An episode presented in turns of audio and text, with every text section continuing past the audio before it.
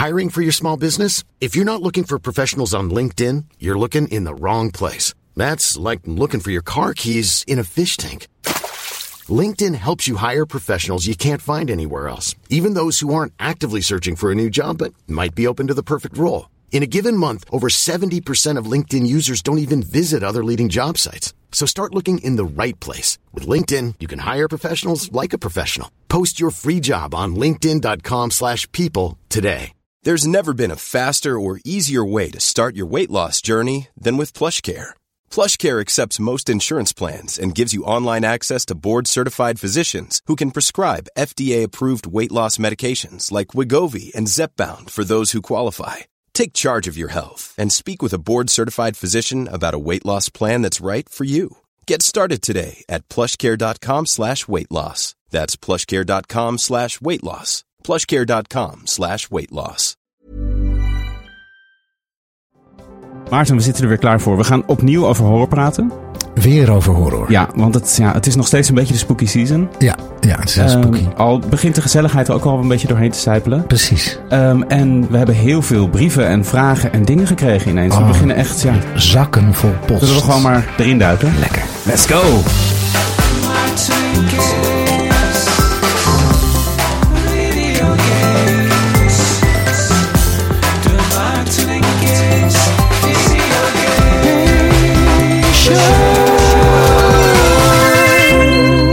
Ja, daar zijn we weer, lieve luisteraars.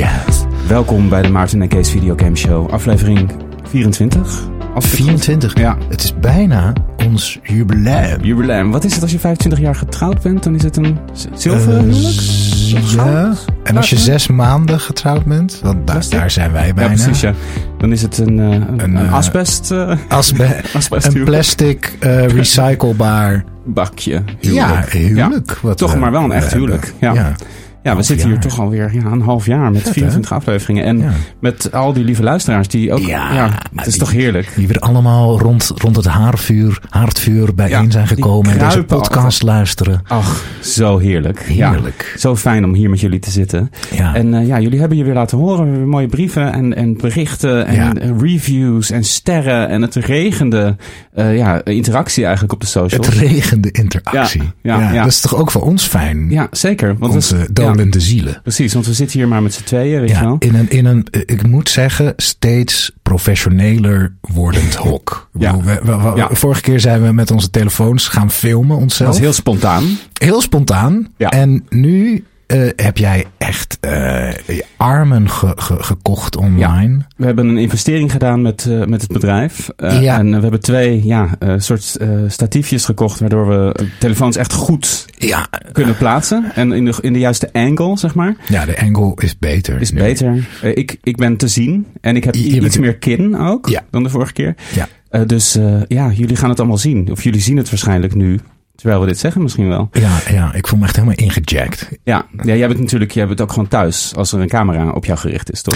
Dan voel ik me heel goed. Ja, Ja, dat is toch gewoon waar je... nee, maar dat is daar ga je wel aan. grappig, want nu ben ik wel me iets. veel zelfbewuster van Ja. de camera. Want Ja. nu ben ik het gewoon die aan het lullen is. Precies, En normaal ben ik een personage. Ja, precies. Ja, dus, maar nu ben je het misschien allebei wel een beetje. Je bent een kwetsbaarder. Ja, precies. Oké, nou, hou dat in... eh, Ik hou het keep, voor. Ik, ja, Keep that eh, with you. Nou, dat is mooi. Kwetsbaarheid, keep eh, it vulnerable. dat, ja, daar, luisteren de mensen graag, naar. Daar betalen, daar betalen ze geld Daar betalen ze bakken geld voor. Ja. Ja. We, we hebben heel veel te gaan hè, in deze aflevering. Dit wordt een jam-packed aflevering. Dat gevoel Dus we- heb ik wel. Ja, dus we moeten gewoon... Jij hebt ontzettend veel gespeeld. Ik, heb, ik had echt een, een weekje met, ja, met veel. Veel, Ja. veel games. Niet eens heel veel uren, maar wel veel verschillende. Dat, Ah. kwam, gewoon, eh, dat kwam gewoon zo. Omdat je daar zin in had. Kwam het, Ja. kwam het door de podcast dat je dacht, ik moet even veel... Ook, dat speelt wel mee. Maar ja, ik hou gewoon van gamen. Ik, gamen Echt is waar? gewoon, ja, ik, ben, ik vind het zo heerlijk dat leuk? om gewoon ja, te gamen. knopjes in te drukken. Ja, echt. Ik ga er gewoon helemaal in op. Ja. Eh, ja. Oh ja? Ja, Vertel, hoe werkt dat? Ik pak een controller, ja. eh, blik op oneindig, ik verdwijn en ja, dan leef ik pas echt. Ja. Weet je? Ehm, dus ja, dat was weer raak deze week. Ik heb Ja. genoten. Eh, ik, heb, eh, ik wou nog even één dingetje. Ik wou weer een heel, heel klein muzikaal dingetje doen. Graag. Ik wil het even hebben over Super Mario Wonder, die ik nu bijna, bijna heb uitgespeeld. Op een gegeven Mhm. moment wordt die game echt best wel heel moeilijk. De laatste levels vind ik eigenlijk het interessantst. Je hebt de special world, alle levels daarin. Dat zijn een stuk of acht levels volgens mij. Mhm. Die zijn allemaal verstopt. Dus de, sommige levels in de normale werelden, die hebben eh, verborgen uitgangen. eh, die je moet vinden in levels. En daardoor kan je dan naar de special world, naar één level van de special world, eh, eh, die verbonden is dan aan, eh, aan, aan dat level of aan die wereld waar je dat hebt gevonden. Mhm. En eh, die ben ik nu allemaal aan het zoeken. Het is ook wel leuk om, dat weer, om de game weer helemaal een soort van door te pluizen en naar de world map te kijken. En te kijken, oh, hier, hier zit iets volgens mij achter een waterval. Dus in dit level zit er waarschijnlijk ergens achter een waterval een verstopt eh, pad naar de special world. Maar goed, dat terzijde, nog steeds een geweldige game. En ik wil het even hebben over de muziek die je hoort als je de Wonderflower pakt. Dat is deze muziek.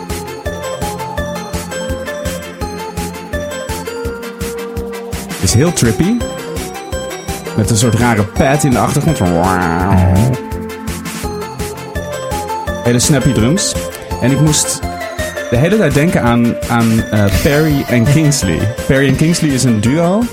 eh, eh, een, een Frans duo uit de jaren 60. En zij waren eigenlijk de echte allereerste ja, eh, elektronica-pioniers eigenlijk. Die echt ja, platen maakten met waar de elektronica centraal stond. Ze zijn ook veel gesampled en aangehaald. Maar eigenlijk die platen zijn ook weer te raar en te ja, cheesy eigenlijk. Maar ik moest heel erg aan, dit nummer denken. Ik denk dat ze, ja, iemand bij Nintendo dit heeft gehoord. Want je hoort, ja, het is dezelfde vibe, dezelfde vibe weet je wel. Totaal. Het is ook heel komisch. Het is een soort variété. Ja. Het is een beetje een soort droogbrood act. Ja. Iemand komt op en doet Ja. iets lulligs. Precies. Ja.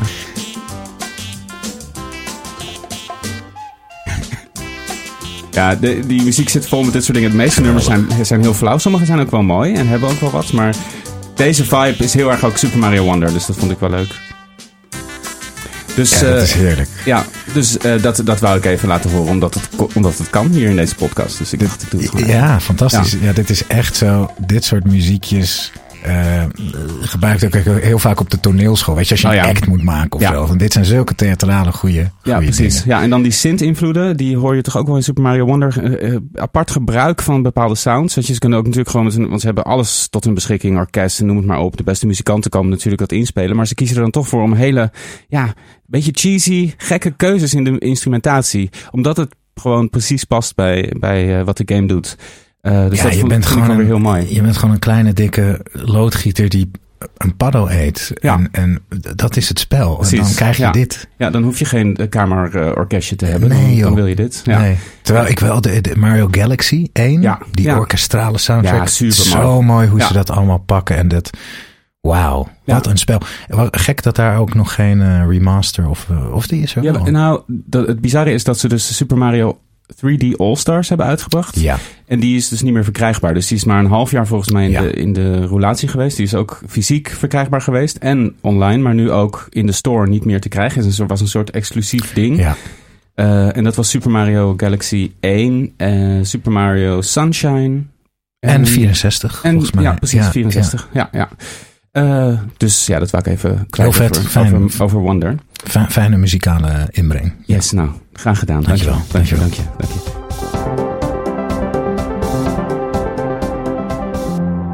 Verder heb ik nog een game uitgespeeld. Begonnen en uitgespeeld deze week. Een vrij korte game. eh Jusant. J-U-S-A-N-T. Ja. Een interessant eh, uitziende game. Eh, die werd vorig, vorig jaar volgens mij aangekondigd ergens op een groot event. Toen dacht ik, oh, dit ziet er ook interessant uit. Staat op Game Pass. En even kijken hoor. De studio. Oh ja. Eh, het is wel grappig, want het is eh, gemaakt door Don't Not. En dat zijn de mensen achter Life is Strange. Dus het is een. eh, Oh ja. En, en Life is Strange games zijn heel erg ja, narra- narratief. Eigenlijk een soort serie bijna die interactief is. En dit is een game met als centrale mechanic klimmen. De, de wereld is een hele grote toren die recht omhoog de lucht in gaat. En het is een soort post-apocalyptische eh, setting. Waarbij deze toren was ooit eh, eh, bedolven onder het water. Bedolven onder het water. Stond in de zee. Waarvan een deel uitstak. En nu is al het water uit de wereld verdwenen. En jij bent de, de zwijgende protagonist helemaal alleen op deze toren en je klimt omhoog. Dat is eigenlijk het verhaal. Heel sterke setting. hele sterke art direction ook. Echt, ziet er geweldig uit. Muziek ook mooi. Ik, ik noem het altijd een beetje Safian Stevens score. Ik ben een heel groot fan Oh, van. Safian Stevens. Oh ja, ik ook. Maar- ja. Ehm, wat hij heel goed doet, is dat het nooit een soort van makkelijk scoren is. Want het, ik- als je bepaalde klanken en bepaalde akkoordprogressies gebruikt, dan raakt het gewoon. ja, dat is wel? vet. Eh, ja. Maar hij, ja, bij hem is het zo puur, bij Safian Stevens. Maar ik vind dat als je die, die stijl soms hoort in soundtracks, dan denk ik soms, het is net iets te makkelijk scoren. ja. Eh, En dat had ik hier soms een klein beetje, omdat het net niet qua soundtrack gefocust was. Maar ik, ik was een beetje in een muggenzifterige bui toen ik het speelde, denk ik. Mm. Want al mijn notes zijn ook een beetje negatief. Ja. En eigenlijk was de, eh, was de game ook... Hij is supergoed ontvangen. Hij heeft overal echt eh, boven de 8 op Metacritic. En gewoon hartstikke goed ontvangen. Maar het, het grootste probleem met de game vond ik eigenlijk dat het... Het had frictie op de verkeerde plekken. Hm. Eh, en te weinig frictie waar het frictie kon gebruiken. Dus ik vond het klimmen eigenlijk. Dat, daar hadden ze veel meer interessante eh, puzzelachtige elementen mee kunnen doen. Dus daar had ik eigenlijk meer frictie verwacht. Maar het, het klimmen is eigenlijk gewoon... je be- bestuurt je rechterhand met de rechter trigger... en je linker met de linker trigger.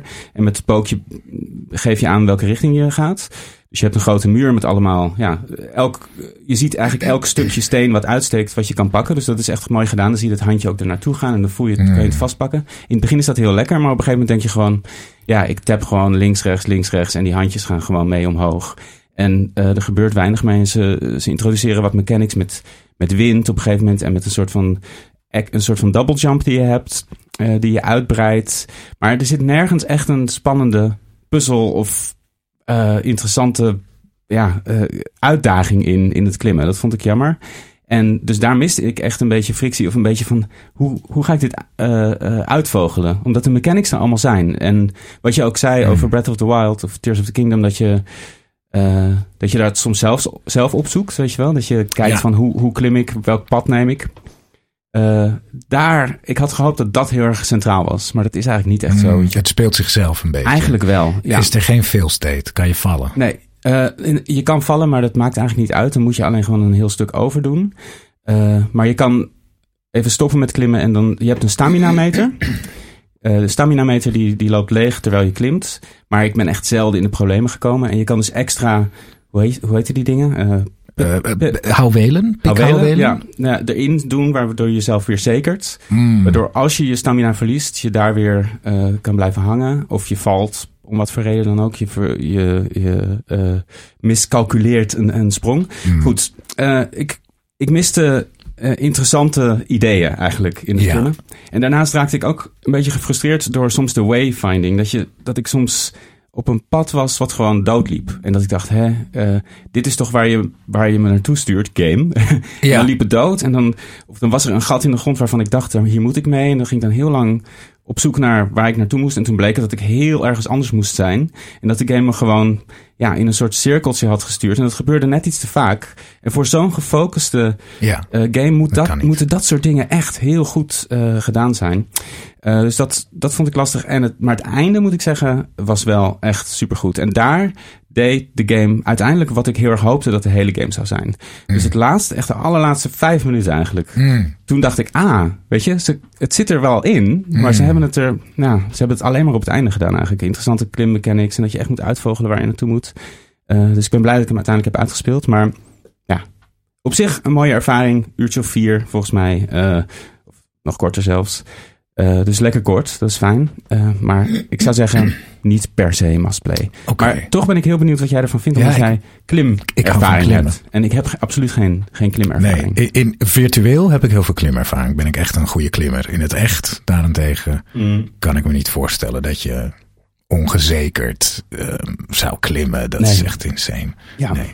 Ik zou, eh, hoe je het nu beschrijft, hoe je zo'n game beschouwt. Ik heb wel eens een fantasie in mijn hoofd van. Ik zou het eigenlijk best wel een leuke baan vinden als ik een soort bij een game developer een Mhm. soort. ehm, er is een woord, een soort consultant. Oh ben. ja, ja, ja. Dat je precies. dus terwijl de beeld eh, zich ontwikkelt, dat je hem dus speelt. En want volgens mij als je in zo'n creatief proces zit, zie je soms dingen Nee, niet meer. En dat je zo'n buitenstaande blik, bijvoorbeeld heel simpel. hey, zullen we dat de UI alleen verschijnt als je de touchpad aanraakt. En dat Ja. hij dan vijf seconden blijft en dan gaat hij weer weg. Ja, precies. Gewoon dat soort kleine dingen. Of van, Ja. hey, dit van de laatste vijf minuten, misschien kunnen we dat. Ja. Ik, denk, ik denk dat we daar heel goed in zouden Zeker, zijn. wij zouden dat heel goed Goeie kunnen. Misschien moeten we ons gaan verhuren. Ik denk het Maarten en Kees Videogame Consultants. We zijn heel goedkoop. Ja, Dus wel ons. ja. En wat heb je nog meer gespeeld? Ja, ik heb nog een game die ik, waar ik wel heel erg uh, fan van ben. Uh, War Tales. War Tales ook op uh, Game Pass. Het was grappig, want ik had Jusant en War Tales allebei al op de radar staan. En die verschenen ineens allebei tegelijk op Game Pass. Van Jusant wist ik dat, maar van, van War Tales wist ik dat niet. en War Tales is een totaal andere game. Zit, War Tales is eigenlijk een, ja, het is een open world RPG in een middeleeuwse setting met ja, lichte fantasy elementen. af en toe kom je iets spookachtigs tegen, maar het is eigenlijk redelijk down to earth. En het is geen open world game in de zin van uh, Skyrim of The Witcher, dat je één persoon bestuurt. Maar je bestuurt een hele groep mercenaries. Je begint met vier en je kiest hun, hun afkomst eigenlijk. Dus ze kunnen deserters zijn die uh, op de vlucht zijn voor hun generaal. Het kunnen een groep vrienden zijn die op zoek naar avontuur zijn. Het kan een groep uh, farmers zijn die beslissen om uh, hun geluk elders te zoeken. Dus je begint met vier karakters en mm. de wereld, je ziet de wereld eigenlijk op twee verschillende manieren. Je hebt een overworld map die ziet er heel mooi vormgegeven uit, heel sprookjesachtig. Echt zo'n typische fantasy vibe eigenlijk. Met, je hebt heel ver uitgezoomd, allemaal bossen en, en meren en riviertjes en heuvels waar je overheen loopt. En uh, dan zie je je party, die dus begint met vier. Uiteindelijk kunnen dat er volgens mij acht zijn, of twaalf zelfs. Uh, die lopen rond over die wereld als een soort kleine ja, poppetjes. En uh, dan zie je allerlei locaties op die worldmap. Een, een dorpje of een windmill of een visserspot of een kamp ergens. Daar loop je naartoe. En uh, dan druk je op A en dan krijg je een ingezoomde versie daarvan. Dan zie je je characters niet, maar dat is gewoon een stilstaand beeld van de setting daar. En dan kan je uh, interacten met de mensen of objecten die daar zijn. Uh, in plaatjesvorm steeds? Um, nee, nee. Het is allemaal full motion, zeg maar. Dus ah, alles is in beweging. Op de overworld, overworld map zie je ook vogels vliegen... en an, heel veel andere mensen rondlopen... waar je ook mee hmm. in gesprek kan. Dus je hebt bijvoorbeeld... je ziet een groepje mensen lopen... Dat is, die hebben dan een soort merchant tekenetje boven zich. Dan kan je met ze praten. kan je ervoor kiezen om ze aan te vallen of met ze te handelen... Um, en het toffe is van deze game eigenlijk dat je die, je bouwt je, je clubje avonturiers. Dus in mijn geval zijn het deserters. Dus ik heb ze, je kan ze in het begin allemaal vormgeven. Heel, niet, totaal niet zo verregaand als Baldur's Gate of, uh, of Skyrim of wat dan ook. Uh, maar net genoeg om ze toch wat karakter te geven. Je kan ze een naam geven en uh, een, een class. En dan ja, gaan ze op pad en dan levelen ze up. En naast, dus je hebt bijvoorbeeld een archer. Die is gespecialiseerd in, in boogschieten. Uh, en dan kom je een visserspot tegen. Dus gewoon een mooi plekje waar gevist kan worden. En dan kies je, oké, jij wordt, mijn archer wordt nu ook mijn visser. En zij is dan ook, naast uh, uh, dat ze op, op de battlefield met pijlen schiet, is ze ook, als je een visserspot tegenkomt, degene die je in kan zetten om te vissen. En dat is dan een kleine minigame, die is super leuk om te doen. je kan blacksmith worden, of tinkerer, of potionmaker mee, worden. En die, al die verschillende professions, die kan je uitvoeren in dorpen, waar die specifieke plekken zijn waar je dat kan uitvoeren. Bijvoorbeeld bij een uh, apothecary uh, kan je een potionmaker dan aan de slag aan de tafel daar. Maar je hebt ook een camp. En daar, uh, en dat is heel tof vind ik. de, de camp mechanic, je kan op elk moment campen. Maar er is een soort van day-night cycle en een vermoeidheidscycle van je mercenaries. Mm. Ze moeten op een gegeven moment rusten. Dan druk je D-pad naar beneden en dan ben je in je camp. En afhankelijk van hoe je mensen opstelt in je camp, uh, veranderen hun relaties ook. Dus je kan ze naast elkaar bij het camp, kampvuur zetten. Dan worden oh, ze betere vrienden. Uh, je kan er, bijvoorbeeld mijn tinkerer staat eigenlijk altijd bij de tinkertafel. En die maakt dan lock, uh, lockpicks en hooks, fishing hooks. Vet. je hebt een pony. Uh, of een paardje. Die, soms is er een, een hooibaal toevallig. Kan je hem daar neerzetten. En iedereen moet ook eten en betaald worden. Uh, dus uh, dat speelt ook allemaal mee. Wauw, het is super veel management. Ja, ja het is, en het is ook, heeft ook echt een XCOM element. Dus, want je hebt ja, zo klinkt zeg maar het, ja. die, die relaties die spelen echt een rol ook weer ja. in de combat. De combat is turn-based, grid-based ook. Uh, dus je onzichtbare grid eigenlijk. Maar uh, uh, je, je, en ook met percentages hoeveel kans er is om te raken. Alhoewel, eigenlijk raakt het altijd. Behalve in één geval. Ik heb wel één, één grappige anekdote. Want ik had het al over mijn, mijn Archer. Dat ik ervaren uh, vrouw, had ik haar in mijn hoofd gemaakt. Uh, die deserter dus, die met een groepje is. En op een gegeven moment wil, wou ik, want je kan dus ook mensen specialiseren in professions. En ik wou graag een kok hebben. Want ik verzamelde heel veel eten op de battlefield. Ze moeten elke avond eten. Maar als je een kok in je party hebt, dan heb je heel veel buffs. Van, omdat Hmm. iemand echt weet van, oké, welke kruiden moet ik gebruiken. Ja. En toen was er een andere archer in een, in een inn ergens. Die stond van, wil je mij inhuren? Ik zo, nou ja, ja, ik ben op zoek naar een kok. Nou, dat zei ik niet letterlijk, maar dat dacht ik in mijn hoofd. Ik, ik- ik dacht van, nou, zij, zij denkt dat ze gaat eh, vechten, maar ze wordt mijn kok. Maar goed. ehm, Jij wordt mijn, mijn kok. kok. kok. Kok. Laat die vuisten maar hangen. Precies. Eh, nee, het is niet zo dat zo iemand dan helemaal niet vecht hoor. Want zij staat dan ook gewoon op de battlefield. Even Met van- een koksmes. Nee, ze blijft dan een archer. Nee, want Oh, je hebt een professions. En Ja, dat is gewoon haar ding. Ja, Ja, precies. ja, Dus je hebt zeg maar eh, jobs. Dat zijn soort van side side job die iedereen heeft. Specialisaties. En dan daarnaast heb je ook Het is gewoon... toch heel erg eh, ook oldschool Final Fantasy-achtig met ja, ja, jobs. zeker. Ja. Final Fantasy 14 heeft dat ook heel erg. eh, de, de MMO. Dat je, je hebt een main class en dan heb je heel veel jobs. Daar kan je alle jobs uple- uplevelen. Maar in dit geval is het één job per, Mm. per persoon. Maar goed, zij was eh, in, de, in de party gekomen. En omdat de rest al wat hoger level was, kreeg ik zo'n kleine melding van... Your party members aren't sure about Idea. Dat was haar naam. Mm. I-D-E-A. Idea. Zo had de game haar genoemd. Dus ik dacht, oké, nou ja, goed. Ze moet zich maar bewijzen, weet je wel. Eh, en dus ik zette haar steeds maar naast de, de rest op, eh, op het kampvuur, weet je wel. Bij het kampvuur. En op een gegeven moment was er dus een, ehm, eh, een moment in een fight... waarbij zij op afstand stond en zij probeerde iemand te schieten met haar pijlenboog. Maar er was een 20% kans dat ze haar mede banden, bendelid Zou raken. zou raken. Omdat eh, ja, er is er is een Lastig bepaalde shot. afstand, lastig shot. Ja. En ja hoor, ze was al een beetje... Oh, ze lag al niet helemaal lekker ja, in de en toen groep. raakte ze, dus toen ging ze nog lager. En als, Ja. zij, als ze op een gegeven moment te laag is, dan eh breekt er dus de pleuris uit. Dan zeggen ze van zij moet weg of wij gaan weg. Weet je wel? Oh, wauw. Eh, dus eh, dat werd heel spannend. En uiteindelijk heb ik dus, ben ik haar blijven pushen. En toen is het toch langzaam beter geworden. Ach, Ja, en toen kreeg ik ook een melding van, eh, de- van die. De, de, de, zeg maar de oudere Archer dame had een eh, question mark boven haar hoofd bij het kamp. Kon ik met haar praten. Toen zei ze van, nou ja, eh, she really proved herself. En dan kan je een bepaalde manier kiezen waarop de party dat dan viert. Dus je kan zeggen van, wauw. zij kan, ze kan eh, een training doen met haar. Weet je wel? Om, om een soort van, dan, dan worden ze allebei nog wat sterker. Dan heb je wel weer een, een negatief side effect dat diegene dan vermoeid is de dag Ja. daarna. Ja, het is heel erg Eh, XCOM-achtig Ja, dit. ja. Ja. En, eh, en je kan eh, samen vieren. Nou ja, goed. je hebt allerlei punten die je dan toegekend krijgt. Valor points, dat zijn een soort van speciale acties die je tijdens, het, tijdens de battles kan doen. Die heel belangrijk zijn eigenlijk om, om het tijd te keren. Echt de, de, de sterke special acts in, in combat, die krijg je op aparte manieren. Dus alles valt heel mooi in elkaar. Het klikt heel mooi in elkaar. En eh, nu was ik net gisteravond met een fight bezig tegen een groep cursed rats. Dus er zit dat soort fantasy elementen zitten erin.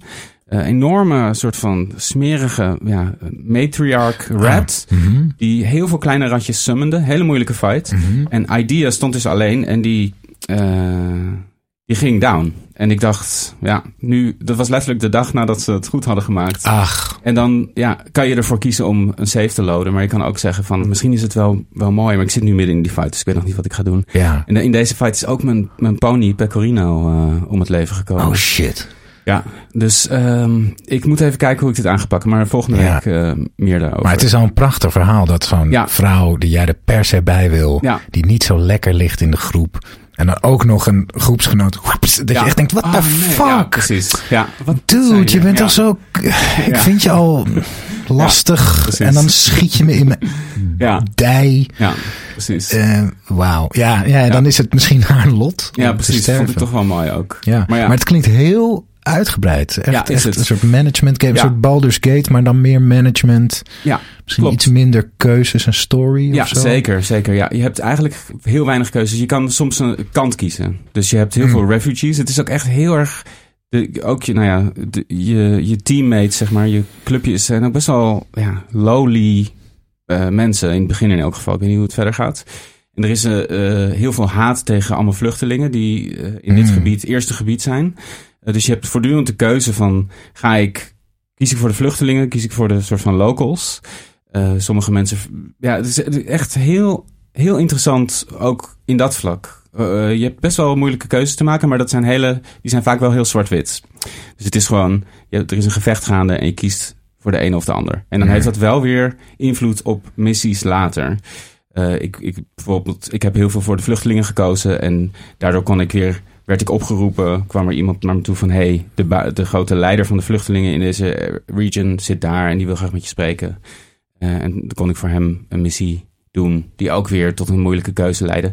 Eh, dus zo. En het, maar het grappige is, ik ben eigenlijk niet zo, normaal gesproken niet zo erg van dit soort games. Wel van eh, Ja. open world RPG's, maar niet zozeer van de, ook de oudere Baldur's Gate, de oudere CRPG's zoals ze heten, en XCOM. Maar deze game heeft een, een soort toegankelijkheid en een enorm ja, bevredigende loop. Waardoor ik er echt eh, heel makkelijk in kwam. En er zijn ook goede eh moeilijkheids. Ik begon op makkelijk, want ik dacht anders, deze game ziet er moeilijk uit. Mhm. Maar toen was het echt te makkelijk en toen heb ik het een tandje moeilijker ge- gemaakt. En toen was het echt perfect, dat de battles toch nog best moeilijk waren. Eh, dus je kan er ook wel best wel goed tweaken van hoe, hoe moeilijk moet het zijn. En je kan er ook gewoon doorheen breezen en dan is het ook heel aangenaam. Dus echt, echt, een, eh, echt een hele toffe game. Klinkt heel vet. Ja. Ja. En jij Maarten, heb jij nog wat gespeeld? Ik heb nog wat gespeeld. Ik, heb, eh, ik zit gewoon heerlijk in Spider-Man. Ik speel niet zo. Ik heb deze week niet zo heel veel kunnen spelen qua tijd. Maar ehm, om de dag. Een paar, even een half uurtje Spider-Man. En het, het is gewoon Ja. heel aangenaam. Ik swing door New York. Ik help mensen. Weet je wel, dat is ook heel leuk. De, de, het verschil tussen zeg, maar- zeg maar de story missions. Dat gaat dan echt over dingen als oh nee.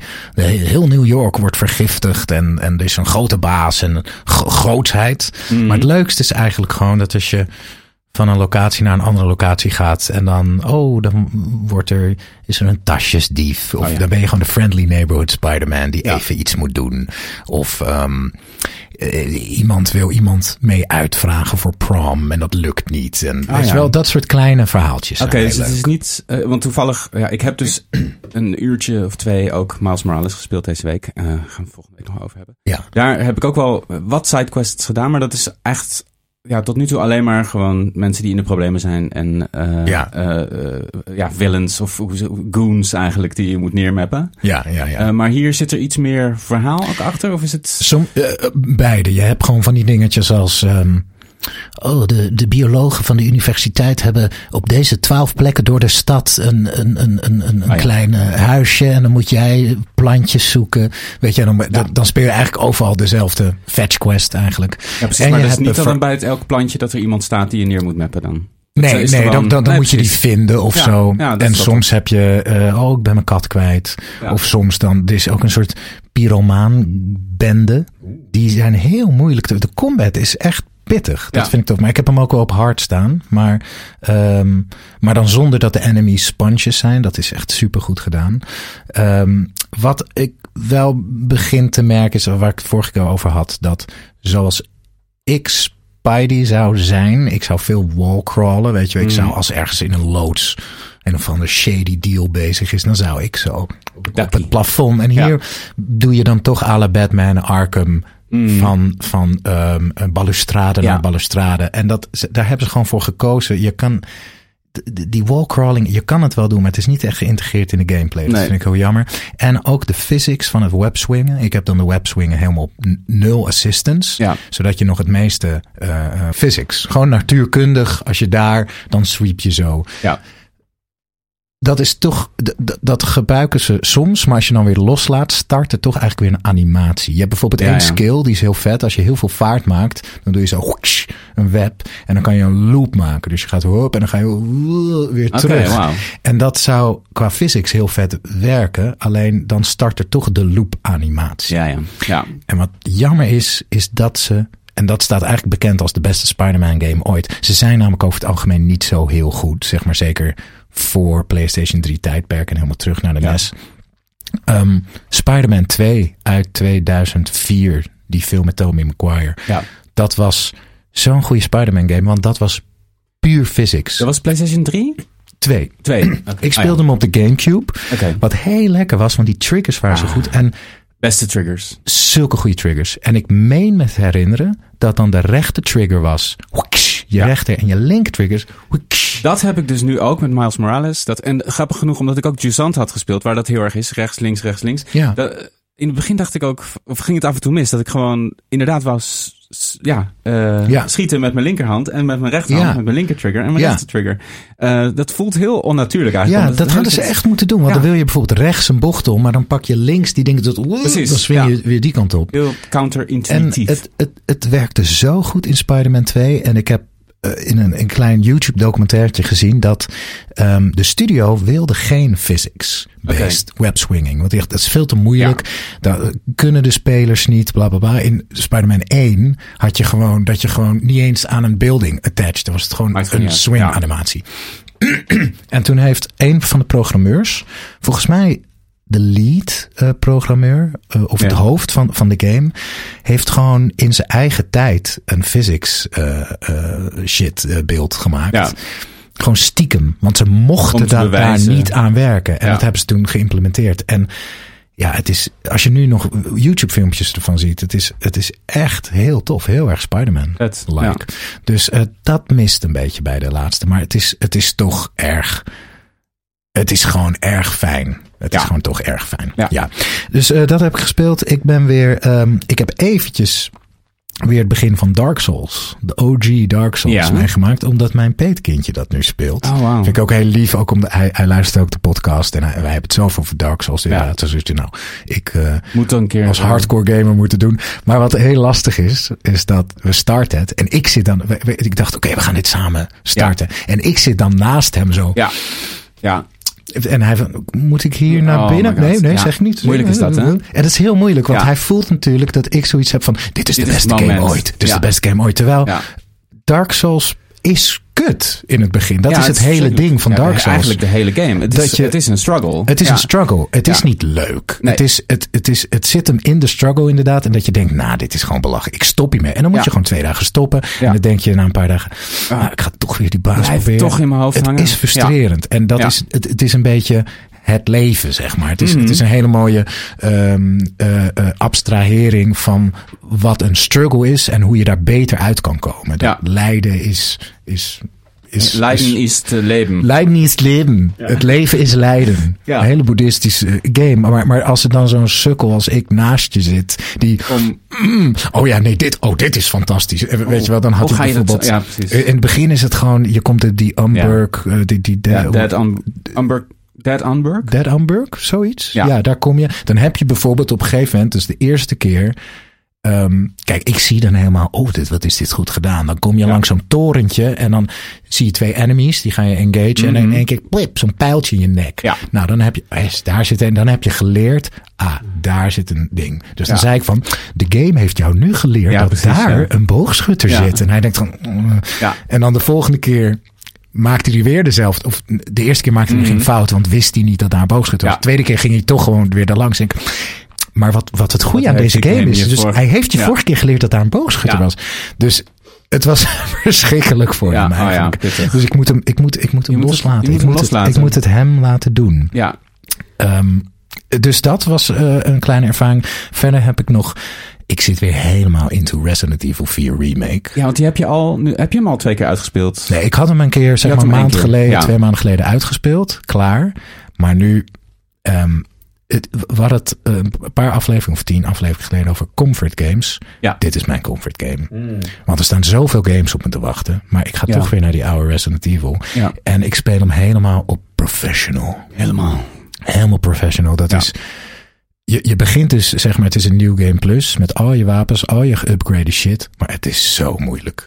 Ja. Het is echt, elk, elke encounter is een puzzeltje. Als ik die headshot, bla, dan ren ik weg. En je moet. En Is je het moet een, bijna een soort een choreografie die het wordt? Dat, dat er maar bijna één Ja, soort sommige ding levels, is dat je denkt, kom nu binnen. wel. Dan komt die Ja. aanlopen, dan Ja, heb ja, ik ja. twee seconden om dat. Weet je, dat, dat wordt het op een gegeven ja, moment. dat je is heel bijna, frustrerend eigenlijk. eh, als je dan save states zou hebben, dat je op ieder moment kan saven en makkelijk snel loaden, dat je dan gewoon de perfecte run eigenlijk ja, zou doen. en dat is het lastige. Er zitten geen checkpoints in, in professional. De- Je hebt Oh. alleen save points. en nee. soms zitten echt wel 20 minuten tussen. Ja. Dus je, het Oh, is een soort combinatie van. Het wordt een beetje Dark Soulish daardoor. Ja. Het wordt een soort perfecte route. Maar soms moet je ook gewoon echte risico's nemen. Ja. Dus van oké, dan pak ik nu mijn, mijn Magnum, mijn Mhm. meest geupgrade gun. En daar heb ik maar 10 kogels voor.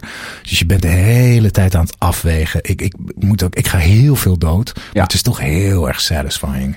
Het is toch, het zit zo goed in elkaar. Ja. Het tempo is zo goed. Eh, het is ook niet echt eng. Het is wel, wel frustrerend en eh, paniek. Ja. Paniek, paniek. Ja. Maar het is, ehm, het is echt toch een veel vettere. Ik dacht eerst, oh ja, die remake, het is gewoon eh, RE4 met betere graphics. Maar het, het is toch wel echt super vet. Mm. Ja. Dus ik denk, ik hoop volgende week die pro-mode uit te spelen. Want het wordt ook een soort, Ja, weet je wel. Het is niet lekker game. Een molensteen. Het is echt Ja. heftig. Ja. Ja, het is hardcore. Je bent zo hardcore, man. Ik ben zo hardcore. Hardcore. Gaan we nu even de sociale kant op. Let's do the We socials. hebben toch weer leuke, leuke berichten. Ja, we van hebben je. weer leuke berichten gekregen. Ehm, zullen we even beginnen met een, met een geluidsfragment van Graag. een fan? Ja, graag. Eh, Want er moet, even iets, eh, er moet even iets worden Ja, we hebben rechtgezet. het een week of vier, vijf geleden over FIFA gehad. En Tom stuurde een bericht, zijn vriend van eh, Maarten, waar ik ook wel eens een, een potje Rocket League mee heb gespeeld. Eh, en die stuurde eh, het volgende. Ik heb het nog niet gehoord, ik ben heel benieuwd. Ja. Ik wil via deze weg even een klein landje breken voor FIFA. Want jullie haten daar nogal op. Maar Ja. je kan met FIFA ook gewoon de geweldigste verhalen beleven. Maar dat doe je in je hoofd. Dus je kan gewoon een, een carrière starten met één speler. En als je een beetje ja, into voetballerij bent, dan heb je prachtige carrières. Eh, ik heb bijvoorbeeld een jongen gehad, die heette Brinte de Vries. Dat was een, eh, ja, een, een, roodharige jongen van eh 1,50 meter met eh, sproetjes. Die eh, uit Friesland kwam. En die heeft een geweldige carrière beleefd. Die is van Everton naar Real Madrid eh, gegaan. En toen toch weer afgezakt in, naar Rusland volgens mij. Op een gegeven moment heeft hij zich bekeerd tot de islam. Dat kon je zien omdat hij op zijn rug eh Broehammad eh, had eh, geschreven. En eh, dat elke keer als hij een goal scoorde, dan ging hij eh, bidden richting Mekka. Ehm, nou ja, dat zijn allemaal prachtige verhalen. Ik, ik kan er nog wel veel meer vertellen. Maar ook met FIFA, het is, het is meer dan alleen maar online tegen elkaar spelen en dan schelden en eh, vals spelen en alleen maar dat. Je kan ook verhalen spelen met FIFA. Dat wil ik alleen even gezegd hebben. Oké, dikke kus, doei. Ja, eh, ja, geweldig. Ja, nee, ik, ja, eh, ja, ja. Ik, we zijn- voel, ik voel me op mijn plek gezet. ja, zeker. Op een goede manier. Op een goede manier, ja. Ja, ja, nee, goed ja. punt. Eh, dit, is ook- verhaal, dit verhaal hier wil ik een film van zien. Van Brinte de Vries. Ja, Brinte de Vries. bring 1 it on. meter fucking 50. Ja, en dan gewoon van Everton, ja, ja En ongelooflijk. heb- en ook dat bidden tot Mekka. Ja. Ik heb het even gecheckt. Je kan echt je goal animations kiezen. En dat je dan de grond kust. Dat hebben ze dan een beetje politiek correct. Dat ze het niet bidden tot Mekka noemen. Nee. Maar dat is dan een kiss the ground animation. Oh. Maar dat is gewoon bidden tot Mekka. Precies, ja. Ehm, ja. Brinte. Die, Ja, ja, ja, nee, prachtig. Ik, ik, eh, inderdaad, dit aspect had ik daar, eh, de- daar hebben we overheen gekeken. Totaal. En dat is er gewoon. En daar, Ja. dat, is, eh, dat is zeker het noemen waard. Ja. ja, ja, dus Neem niet weg dat er ook kanten zijn aan FIFA die, die nog steeds heel je, toxic Ja, zijn. nee, maar eh, goed punt, Tom. Eh, Heel mooi. eh, ja, Heel mooi. Prachtig. Ja, ik wil even heel even een race, eh, recensie in het zonnetje zetten. We hebben weer vijf sterren gekregen. Eh, ja, opnieuw van Trash. Duizend. Ja. Hele leuke podcast met heel veel goede tips. Alle vlakken van vormgeving, sounddesign, muziek en alle andere onderdelen worden als een vorm van kunst beschouwd. Awesome. Nou, dankjewel. Daar worden we heel blij van. Dankjewel, Eh, Drees. Vijf sterren zijn al te gek. Maar vijf sterren en een review schrijven ook. En daarnaast Ari, de mensen die ons volgen op de socials weten dit al. Maar Ari heeft ons alsnog de vijfde ster. Ari die zich stoorde aan ons Versprekingen. gelach, onze versprekingen. Ja, Eh, of niet zozeer aan onze versprekingen, maar aan ons het gelach. gelach erom. Ja, want dat hield toch, moest een keer ophouden. Ja, fouten maken Ja. mag, maar daar een beetje over gaan, gaan Precies. eh, narcistisch om Pak gaan de, draad, genieten. pak de draad weer snel op. Exact. Eh, daar, dat hebben we toch wel eh, ter oren genomen en ter harte genomen, moet ik zeggen. En dat, daar hebben we aan gewerkt. Wat fijn. En Arie heeft ons heeft dus zijn review aangepast en heeft nog Ah. edit vijfde ster erbij. Gek. Ja, dankjewel Arie. En Zie we ja, zijn echt involved met jullie. we zijn involved. We, we, ja, we werken, we doen het, we maken het samen. We maken het samen. We doen het samen. Eh, nog een, ja, twee mooie berichten vond ik van, van Thijs en Rogier over mijn verhaal over ja, er Mm. niet bij horen. Ik heb sowieso veel bijval gekregen. Dat, dat warmt mijn hart. Wauw. Ehm, Ik wil toch even voorlezen. Ja. Het zijn even brieven. Anders doe jij Ja. even die van Thijs. Doe ik die van thuis? Oké. Ja. Ja, want, want hij is ook aan jou gericht. Precies. Dus dan is het Ja. logisch dat ik het doe. Ah, Kees. Ai. Ik heb misschien een verklaring voor waarom je je minder verbonden voelt met het gamepubliek. Ik weet niet waarom Thijs Dominee Gem dat is, maar ten, ehm, ik ga het gewoon voorlezen. Ik heb misschien een verklaring voor je waarom je je minder verbonden voelt met het gamepubliek ten opzichte van muziek, film, theaterpubliek. Ik herken het gevoel heel erg. Heeft het wellicht te maken met het feit dat games interactief zijn? Muziek, theater en film ervaart iedereen nagenoeg op dezelfde manier.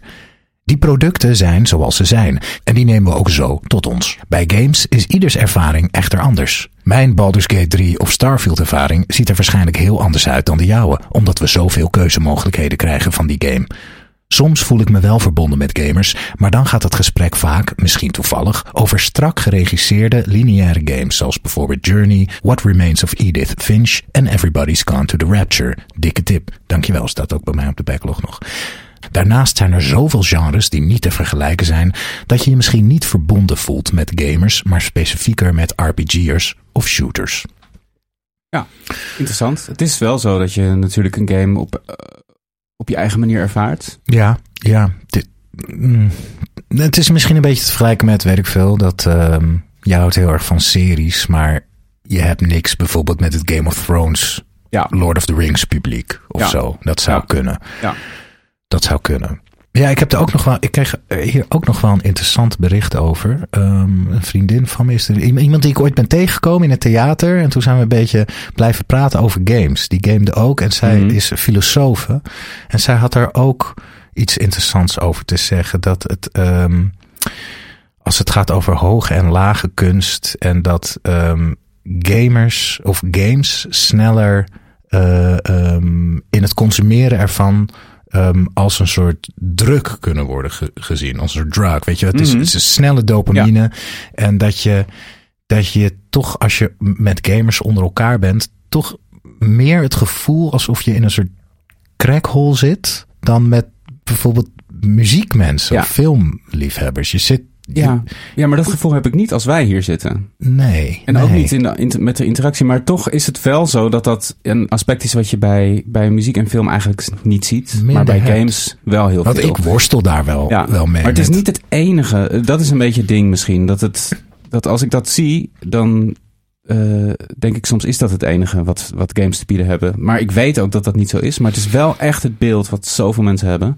Eh, en, en het is ook totaal terecht dat dat beeld er is. Want het, nou ja, je, wat je zegt, je, je worstelt er zelf soms ook mee. Ik worstel zelf ook mee, ja. Ja. Het, zijn, het, zijn, het is toch meer eh, dan een eh, film of muziek of theater. Meer een simulatie, een soort escape from reality. Ja, En dus je bent toch met een beetje, ja, een soort mensen die niet helemaal van deze wereld zijn of zo. Ja. Er zit iets, ik weet het niet. ja. nou ja, ik, ik weet niet. Als ik een game ervaar, dan ben ik toch altijd heel erg bezig met hoe is dit gemaakt? Wie heeft dit gemaakt? Waarom Ja. is het zo mooi? Waarom raakt het me? Waarom niet? Precies zoals ik ook naar een film of een serie kijk. En, Ja. kijk. en ik heb niet zozeer dat van, oh, dit heeft me helemaal in, in mijn greep. Je hebt nooit een schuldgevoel bij gamen. Nee, nee, echt niet. Nee. Wauw, Nee, dat is echt, ik- echt bijzonder. Ja, maar, maar ik zou niet weten waarom. Want ik heb ook geen schuldgevoel als ik, eh, als ik een, eh, een serie binge-watch. Weet je wel? Maar gebruik, kijk, ik, ik kan gamen, maar ook series hoor. Gebruik als ook als, eh, dat kan ik ook gebruiken als procrastination. Weet je, dat Ja. ik weet, ik moet eigenlijk hier aan, Ja. maar ik zit nu, ik, ik kies Mhm. er toch voor om Ja. te gamen. En dan bouwt bij mij wel een soort schuldgevoel. Ja, nou ja, dat is waar. Maar dat, dat heb ik met andere dingen ook. Dat is ook met. Dan, ik heb meer schuld, schuldgevoel als ik te lang op mijn telefoon, telefoon heb zitten kijken. ja, ja, ja. Eh, eh, naar Instagram of Twitter of eh, Reddit of zo. Weet je wel, onzinnige dingen aan het bekijken ben. Dan zit ik veel liever anderhalf uur te gamen. Daar heb ik veel meer aan dan naar mijn telefoon kijken. maar jij bent volgens mij ook heel erg conscientieus met je tijd. Jij kan goed je tijd indelen en beslissen, Ja. nu ga ik dit twee uur doen. En dat scheelt nu, eigenlijk sinds we met de podcast zijn begonnen. Want ik had het echt extreem druk. Maar dit jaar is gewoon redelijk rustig voor mij. Ik heb, ik heb gewoon veel tijd. Eh, ik heb natuurlijk een kind en ik heb werk. Maar daartussendoor heb ik best wel veel tijd. En ik, ik hou er ook wel van om te denken, oké, helemaal nu met de podcast. Dat ik denk, oké, weet je, welke games kan ik pakken? Oh, dan neem ik daar mijn tijd voor. Dan kan ik die en die even checken. En uiteindelijk is het ook zo dat ja, als je een uur per dag speelt, kan je zeven uur per week spelen. En dan kan je best wel veel zien. Ja, ja zeker. Ja. En helemaal als het iets meer is dan dat. Als je een dag hebt waar, waarop je drie uur kan spelen, dan is het in één keer. dat is heerlijk. Ja, Ja. ja. Dus, maar dat heb ik best wel veel, die tijd. Dus dat speelt ook mee. Ah, weet je wel? Dat ik gewoon eh, die tijd heb. Maar goed, het, is, het blijft een interessant ding. Blijft een wat, interessant wat we ding. kunnen blijven eh, verkennen. En Gaan, we- gaan we nog eens op in. En Ja, ik, ik zal die vriendin eens vragen, die filosoof, om nog wat meer duiten in het zakje te doen. Want ze heeft, ja, misschien heeft moeten ze een keer komen praten. Ja, ze heeft er he- hele interessante dingen Ja, over te cool. zeggen. Ik wil Ja. nog even deze brief van Rogier, die is wat korter. Ja. Eh, Kees, je bent niet alleen in je gevoelens nergens echt bij te horen. Ik ervaar regelmatig hetzelfde. Eigenlijk te sociaal vaardig om bij de die-hard gamers op events te horen. En eigenlijk veel te invested in games om een casual gamer te zijn. Zeker in theaterland merk ik dat er steeds meer mensen ook wel games kennen en spelen. Maar als ik over mijn trophyverzameling durf te beginnen, schrikt dat vaak toch weer een beetje af. Jullie podcast laveert daar prachtig tussendoor. Blijf dat doen. Jij slash jullie bent slash zijn niet alleen. Ah, Rogier. ik vraag me af of, of wij Rogier kennen dan, als hij ook uit de theaterlandschap komt. Ja, Maar ik heb het heel erg gemerkt met eh Breath of the Wild en, en eh, Tears. Dat heel veel mensen, Ja. heel veel collega's van me spelen het ook. ja, ja. Echt te gek. Ja, en het gevoel nergens echt bij te horen is natuurlijk ook heel erg een soort Sowieso. conditie van de mens. Is ook zo. Toch? Dat is ook niet per se eh, direct eh, met games eh, hangt dat samen. Ik had nog een berichtje ontvangen van Stefan. Of is het Stefan? Weet ik niet meer. Ik, ik, ken, ik, ken, ik ken, volgens mij was het Stefan. Ja, sorry Stef. Ik heb jou zo lang niet meer gezien en gesproken. Vroeger, dat ik niet meer weet hoe je je dat naam ik niet uitspreekt. weet hoe ik je naam uitspreek. Nee, dit is echt, echt... eh, Stefan zou ik zeggen als Stefan zat eh, vroeger eh, in de klas bij mijn ex-vriendin, de wat al mm, 15, 13 jaar geleden is. Dus Mhm. toen, toen kende, van toen ken ik Stefan. Het is Stefan. Ja. Het is Stefan. Stef en Stef blijkt te luisteren naar de podcast. En die vroeg, als luisteraarsvraag, neem je je Switch wel eens mee naar de set om de tijd te doden? Mm. Dat doe ik niet. Maar ik heb wel zoiets soortgelijks gedaan. Misschien weet je nog, twee maanden geleden, toen mijn Slay the Spire addiction echt uit de hand liep. Toen had ik hem op mijn telefoon geïnstalleerd. Ja. Dat was tijdens de draaidagen van Cowboys van Klokhuis. Ja. Waarbij wij nog jouw liedje. liedje hebben gezongen. Ja. En toen had ik hem net op mijn telefoon. En ik heb me, ik heb me echt verschrikkelijk gedragen op die set. Oh ja. Zo onprofessioneel. Tussen elke take door pakte ik mijn telefoon en ging ik door met mijn potje Slay the Spire. Ja. En ik wist ook, ik wil helemaal niet zo zijn als Nee. acteur op een set. Want dit is, ik vind de Cowboys het allervetste wat ik doe als acteur Ja. bij Klokhuis. Ik, dit is mijn droomjob. En zit ik tussendoor die fucking sleden. En het had me heel, ja, drie dagen lang op de set. Nee, volgens mij de derde dag dacht ik. Toen heb, na de tweede draaidag, want we draaiden drie dagen. Tweede draaidag dacht ik, fuck it. Ik, toen heb ik hem weer afgegooid. Want Ja. dit kan gewoon niet. Nee. Ik sta gewoon mijn lievelingswerk. eh, Tussen, zit ik gewoon drie uur de Sleden Spire tussendoor. Dus ja, ik, ik ken dat wel op de set game. En ik wil dat eigenlijk niet doen. Want het eh, ontneemt toch je concentratie. Ja, precies. Ja. Het is ook, telefoon is ook gewoon algemeen geaccepteerd dat je die er gewoon even bij Eh, met een Switch is dat ja. natuurlijk een heel ander verhaal. Als jij de hele tijd eh, bij elke set de Switch, dan, ik denk dat je dan veel meer eh, scheve blikken had gekregen. ja, terwijl het dezelfde afleiding is. Ehm, er zijn toch ook filmregisseurs, volgens mij is het Tarantino. Daar, Mhm. daar zijn telefoons verboden. Oh, dat geloof ik wel. Ja. Want je moet er gewoon fucking bij. Je, ja. maakt niet uit of je dan wat doet of niet. Nee, precies. Het is ook met die telefoons dat je dan... Iedereen voert de regie over zijn eigen... Oh, nu kan ik dit doen. Ja. Of nu kan ik dat. Eh, je moet je ook... eh, eh, je, je bent iets aan het dienen als je iets creëert samen. ja, ja. En dat zit hem ook in kijken naar, het, naar de andere, het andere werk waarderen. Mm. Ehm, Ja. ja. Ja, ik heb wel altijd eh, eh, tijdens het toeren bijvoorbeeld, dan vind ik het wel heerlijk om in de bus gewoon te kunnen spelen. Oh, dat is heerlijk. Eh, maar dat is natuurlijk een ander verhaal dan Ja. echt tijdens het werk. Eh, ja. ja. Alhoewel er natuurlijk in de bus ook mooie eh, banden ontstaan tussen de spelers. Maar dat gebeurde ook wel. Vaak heenweg, iedereen in zijn eigen wereldje. Met, Oh, een, met een switch of telefoon of een boek. En dan terugweg... Zuipen. Zuipen en Ja. de malste dingen allemaal. Ja. Maar ja, blijf berichten sturen. Dat kan via Instagram natuurlijk. Dat kan ook via de mail. Maarten en Kees met een z at gmail.com. Ehm, dus ja, en eh, eh, ja, we, we kijken er naar uit. We kijken naar verhaal. En vol- volgende aflevering wordt, een, wordt de jubile, halfjaar Ja. jubileum. 25. Dus, ja, ehm, dan gaan we iets bijzonders doen. Gaan we iets bijzonders. Moeten we nog even bedenken wat. Ja. ja. Ja, Maarten, uh, we moeten het toch nog even over horror hebben. Ja. We zijn vorige week uh, daarmee begonnen. We zijn enorm lang blijven hangen bij EPT eigenlijk. Uh, ja. Want ja, daar was nogal veel over te zeggen. maar we wilden graag nog wel gewoon wat, wat tips geven en wat ervaringen. Heb jij nou een top 5 gemaakt ook? Van je favorieten? Um, was het idee? Kijken, ik, kwam er, nou? ja, ik kwam niet echt uit. Want ik heb. Mijn, mijn relatie met het genre is toch wat. Ja, niet een hele dikke vette band. Ja, nee, ik had niet echt een top 5, maar meer gewoon een paar. Ik, ik heb het al heel veel over Resident Evil 7 in VR gehad. Ja. Doodeng. Ja. Uh, Silent Hill 2 hebben we het ook al over Oh ja. gehad. Zeer, zeer, uh, uh, um, hoe noem je het? Psychologisch? Psychologische horror. Waarin je gewoon, het is gewoon Silent Hill 2. Had jij nou gespeeld, Silent Hill 2? Nee. Ja, het is een hele deconstructie van jezelf. En al je trauma's en uh, meestelijk vormgeven. En meestelijk Mhm. dat er een remake van komt. Ja. Ik vond soms, oh ja, dat vond ik wel leuk. Um, wat ik soms heel eng kan vinden, is vaak in oude RPG's. Ja. Als de stemmetjes ze, uh, gewoon een geluidje zijn dat iemand praat. Oh ja. En dan prr, prr, prr, ander Mhm. stemmetje. En dat je dan ergens bent en het wordt donker of zo. Je bent bij een of andere merchant. En dan kom je winkel binnen en dan gaat in één keer het licht uit. En dan Ja. hoor je zo'n 8-bit eng muziekje. En dan en Ja. dan van... Uh, what do you think, uh, stranger? Ja. Dat is dan heel eng. Ja, ja, ja. Dat werkt heel goed, die oude. Zeker. Ik zag er ook een mooi YouTube filmpje over die uh, iemand die, die in een soort zo'n video essay zei van waarom dat op een bepaald gebied oude games, zeg maar tot aan PlayStation 2 tijdperk, veel enger zijn. Ja. Omdat de machine werkt ook nog niet zo goed. Dus het wordt sowieso, die character models zijn al eng, Ja. pixelig. En nu is natuurlijk alles zo perfect. Mhm. Dat is, er zit heel erg iets in die 8-bit, 16-bit, 32-bit. Ander soort eng, ja. Ander en ik heb eng. ook, ik had die ook even opgeschreven, uh, uh, Wolfenstein en Doom. Uh, ook echt heel beklemmend en heel eng. Ik weet nog vroeger toen ik ja, vijf, zes was, hadden mijn neefjes op de, op de, op de computer van, van hun vader, dus Doom, zelf volgens mij stiekem geïnstalleerd. Die waren wat ouder. Dus hij wist dat niet dat het erop stond. En wij gingen dan echt stiekem mm. naar zijn werkkamer om dat te spelen als, als hij bezig was of wat dan ook. En dat was echt zo van, ja Kees, je bent eigenlijk nog te klein, maar ja, je mag wel meekijken. En dan was het echt zo van, nou dit, Ja. het is zo eng. Ja. Dus, eh, en eh, dat was dan ook gewoon echt alleen maar naar voren drukken, gewoon een stukje lopen en dan eh, gebeurde er van Ja. alles.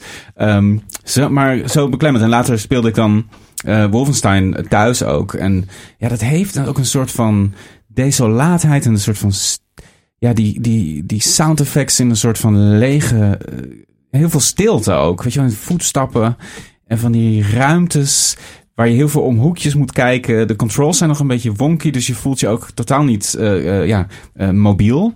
Dus de oude Wolfenstein. Ja, de echte, de ja. eerste. Ja, ik werd ja. dan ook veel, vroeger veel banger door de omgeving, waar, zeg maar de letterlijke omgeving waar ik was. Dus Ja. nu zit ik zo heel fijn op mijn bank in mijn eigen Ja, setup. Maar als je, als je dan bij een vriendje in zo'n zolderkamer achter zo'n PC, zo'n. CRT-monitor, dan werd gewoon alles eng. Ja, ja, absoluut. Ja, ja, inderdaad. Ja. Die, die angst krijgen we denk ik gewoon niet meer terug. Nee, dat is een soort kinderangst ook. Ja, Die, uh, Echte pixelangst. Ook Resident Evil pixelangst, 1 ja. speelde ik op de PC. Ja, daar durfde ik gewoon vaak niet een, een gang door te lopen. Nee, precies. Ja. ja, ik heb over angst gesproken. Mijn allergrootste angst, maar dat heeft niks met de games te maken. Maar of, nou, een klein beetje, nou eigenlijk niet. Ja. Um, ik was echt als de dood voor E.T. De film E.T. van Oh, Steven Spielberg. Ja, ja. Die heb ik ooit gezien. Toen was ik eigenlijk nog te klein. Of nou ja, te klein. Het is niet eens een, een per se een enge film. Maar uh, Gewoon die pop vond je eng. ja, er waren vriendjes in de straat die hadden de videoband daarvan. En dan gingen we dat dan, met mijn broers gingen we dat dan kijken. Zij waren een stuk ouder. En um, ik begreep er helemaal niks van, omdat het in het Engels was. En ik zag gewoon een soort heel eng bruin, uh, verschrompeld uh, uh, figuur. Ja, een soort mannetje in iemands kast staan. Ja. Die gewoon een soort heel eng praten. En hij werd op een gegeven moment ook wit. En dan lag hij heel een soort van dood bij een rivier. Ik heb een paar beelden, maar ik heb die film dus nooit meer gezien. Ja. Omdat ik echt, ik heb echt een angst voor E.T. Ja, snap ik ook. Ja. Zo'n enge Uh, pop. dus, dus gewoon, weet ik veel, 35 jaar uh, uh, heb ik dat al. En Ja. mis- misschien moet ik er gewoon een keer kijken, maar ik heb nog steeds echt afkeer. Oh, ik kan ook echt niet, als mensen gewoon, weet ik veel, je hebt ook van die truien, weet je wel, met E.T. van de H&M erop of zo. Ik word echt altijd een beetje van, uh, Afzichtelijk, afzichtelijk wezentje. Ja, Dat heb ik met je gemeen. Ik heb hem ook nooit gezien, E.T. nee. Gewoon nooit gezien. Hm.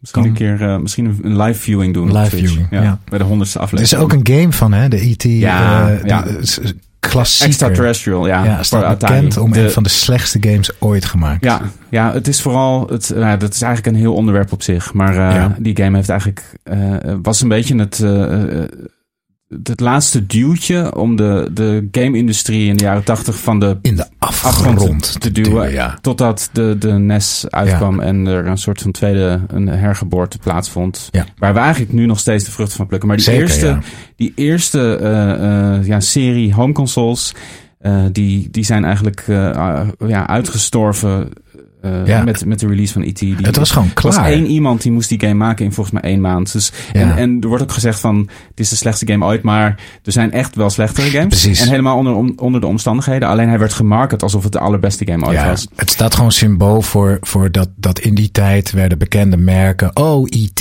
Hier, Frits, maak er maar even snel een spelletje Precies. van. Oh, oké, met de totaal beperkte hardware. Dat is gewoon een model wat niet werkt. Want de games waren heel duur ook destijds. Zeker, ja. En al die cartridges. Dus Nou ja, er is een hele documentaire over gemaakt. Want er, is, dus waren dus warehouses vol met die cartridges. En er is dus een urban myth die deze documentaire onderzoekt. Ja. Of die allemaal in een landfill. Het, is, het schijnt dus dat Atari uiteindelijk heeft besloten... Nou ja, die cartridges gaan, niet, gaan we niet verkopen. Het is te duur om ze op te slaan. Dus we gooien ze gewoon allemaal ja, op een landfill. Eh, en eh, deze documentaire die staat op YouTube. Ik, zoek, ik zet wel even in de show notes hoe die heet. De titel weet ik even niet. Ehm, gaan ze dus onderzoeken of dat inderdaad eh, eh, zo is. En met de originele game developer. Het is een beetje... eh, die documentaire is nou niet per se heel erg goed. Maar het is wel interessant om het verhaal te horen. En, en de, de maker van de game, die toch echt wel, ja, daardoor een beetje, ja, zijn Ah. leven was wel een beetje voorbij eigenlijk daarna. Ja. Terwijl het eigenlijk totaal onterecht Hij deed was. gewoon wat iedereen in die Ja. tijd deed. Ja, precies. En hij werd een... ja. Hij werd de schlemiel. Hij werd de, de ja, posterboy. Ik wil nog een paar horror games even noemen. Ja. Ehm, Until Dawn is ook aangeraden door, door eh, luisteraars eh, van Supermassive uit 2015. Mhm. Until Dawn is eigenlijk de, de eh, video gamification van een teen Slasher. slasher, precies. Eh, Van zo'n I know typische... what you did last Ja, summer. Scream. Ja, dat dus is die ja. vibe. Je hebt een groep Ja. vrienden, die gaan naar een cabin ergens en er gebeuren rare dingen. En het vette is dat je eh, eh, voortdurend keuzes maakt. Het is echt een hele goede game ook om, om met een groep te spelen. Ja. Of, of met, je, met je partner. Eh, omdat je voortdurend kiest van, oké, ga ik deze deur in?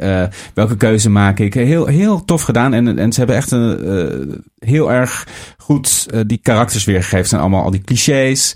En eh, je, je voelt je echt ja, in zo'n slasher movie. Heeft ook een beetje zo'n sexy eh, kant, weet je wel. Maar van die, Ja. Iedereen is een beetje schaars gekleed af en toe. En zoals Ja. dat ook in die films is. Precies goed gedaan. Die sfeer is echt heel knap gevangen. Ze hebben ook een vervolg, eh, of niet een vervolg. Ze hebben best wel wat games gemaakt. Maar het echte eerste Ja. directe vervolg. Het is geen directe vervolg, maar echt de, het spirituele vervolg op Until Dawn is vorig jaar uitgekomen. The Quarry.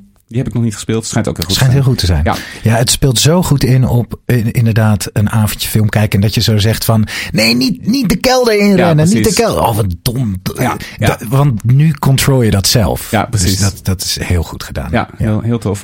Eh, Inscription heb ik al vaker genoemd. Mhm. Eh, uit 2021 van Daniel Mullins. Eenmans... eh Heel, ja, die 8-bit engheid. ja, totaal. en ook, ook een soort van real-life aspect. Er zitten ook echt eh, full-motion video in. Dus gewoon video, echte video met echte acteurs. Zo raar. Eh, er gebeuren de raarste dingen. Eh, ik, ik, ik vond het eh, heel erg Jij hebt hem dus helemaal en- uitgespeeld. Ik zit Ja. nog steeds in dat eerste deel Ja. vast. Ik weet niet Ja. hoe ik naar die tweede fase kom. Nee, ja. Je kan opstaan ook, hè? Ja, dat weet ik. Ja, je kan in het hutje lopen. Ja, precies. Heb ik allemaal Ja. dingen gedaan, maar dan... Ja, het, het gaat, het goes places en je, je- op een gegeven moment denk je van, is dit nog steeds dezelfde game? Er Oh, gebeuren echt hele interessante dingen. Het is ook, ik weet niet of je Hard Drive kent, dat is de, het is de speld, maar dan voor videogames, Hard Drive. Die hadden ook laatst een artikel, Inscription fan can't stop talking about game he cannot talk about. Hmm. Weet je wel, dat is het heel erg. Van iedereen zegt altijd, jij moet het spelen en blijft erover lullen, maar ook de hele tijd, ja, ik kan er niks over zeggen, want je moet het maar Ja, gewoon spelen. weet je wel?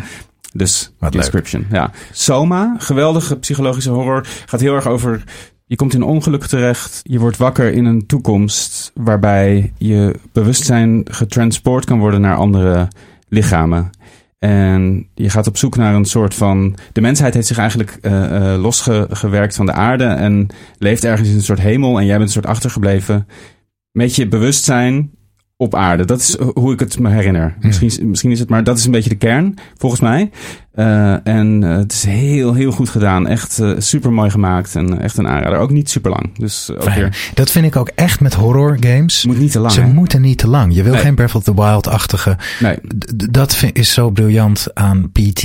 Het is echt de lengte van een nachtmerrie. Ja. Het is één gang. Ik, ik denk dat er nooit meer zoiets gemaakt gaat worden als PT. Nee. Omdat de bedoeling was ook nooit dat het een game werd. Het was een Nee. ervaring. En Precies. daarmee werd het de beste horror game Ja. ooit. Ik noemde het trouwens steeds playable trailer, maar volgens mij is het officieel playable Teaser. Ja, Ja. Playable teaser is het. Ehm, ja, Amnesia wou ik nog noemen. Super goede, hele enge horror game. Een van de eerste, zeg maar, moderne horror games. Ook meer dat psychologische effect. Eh, eh, The Chinese Room, die ook weer aan een nieuwe game aan het werken zijn, die volgens mij volgend jaar uitkomt. Op een boorplatform. Dat ziet er ook heel heftig uit. Oh, Even de ja, een hele nare omgeving meteen ja, al. precies. Een Ja. platform. Ja. En dan wil ik nog heel even een paar eh, eh, walking simulators noemen. Die eigenlijk ook een beetje een horror Mhm. aspect hebben. What Remains of Edith Finch werd genoemd, al net in een brief. En Everybody's Gone to the Rapture ook. zijn allebei eh, games waarin ja. En, en Gone Home. Sorry, die horen eigenlijk alle drie een beetje bij elkaar. Ja. zijn alle drie games zonder combat. Lichte puzzle elementen, maar vooral games waarin je rondloopt. Je, er, je omgeving, omgeving ervaart en eh, ervaart wat er ooit is gebeurd of wat er is gebeurd met de mensen die er niet meer zijn. Eh, alle drie hele interessante games die ook je toch constant, ook al weet je dat het niet gebeurt, het gevoel geven dat je elk moment besprongen kan worden. Ja, heel Loopt. eng inderdaad. Ja, je loopt in een leeg huis of een lege omgeving rond, waar een soort van de geesten nog rond waren van mensen. En eh, eh, toch alle drie, dus What Remains of Edith Finch, Everybody's Gone to the Rapture en Gone Home, alle drie ook wel echt aanraders. Een beetje buiten het horrorgenre, maar ik dacht Ja. ik noem ze toch even. Ze schuren er tegenaan. Ja. Ik heb nog één game gespeeld. ehm, Visage of Visage. Ja.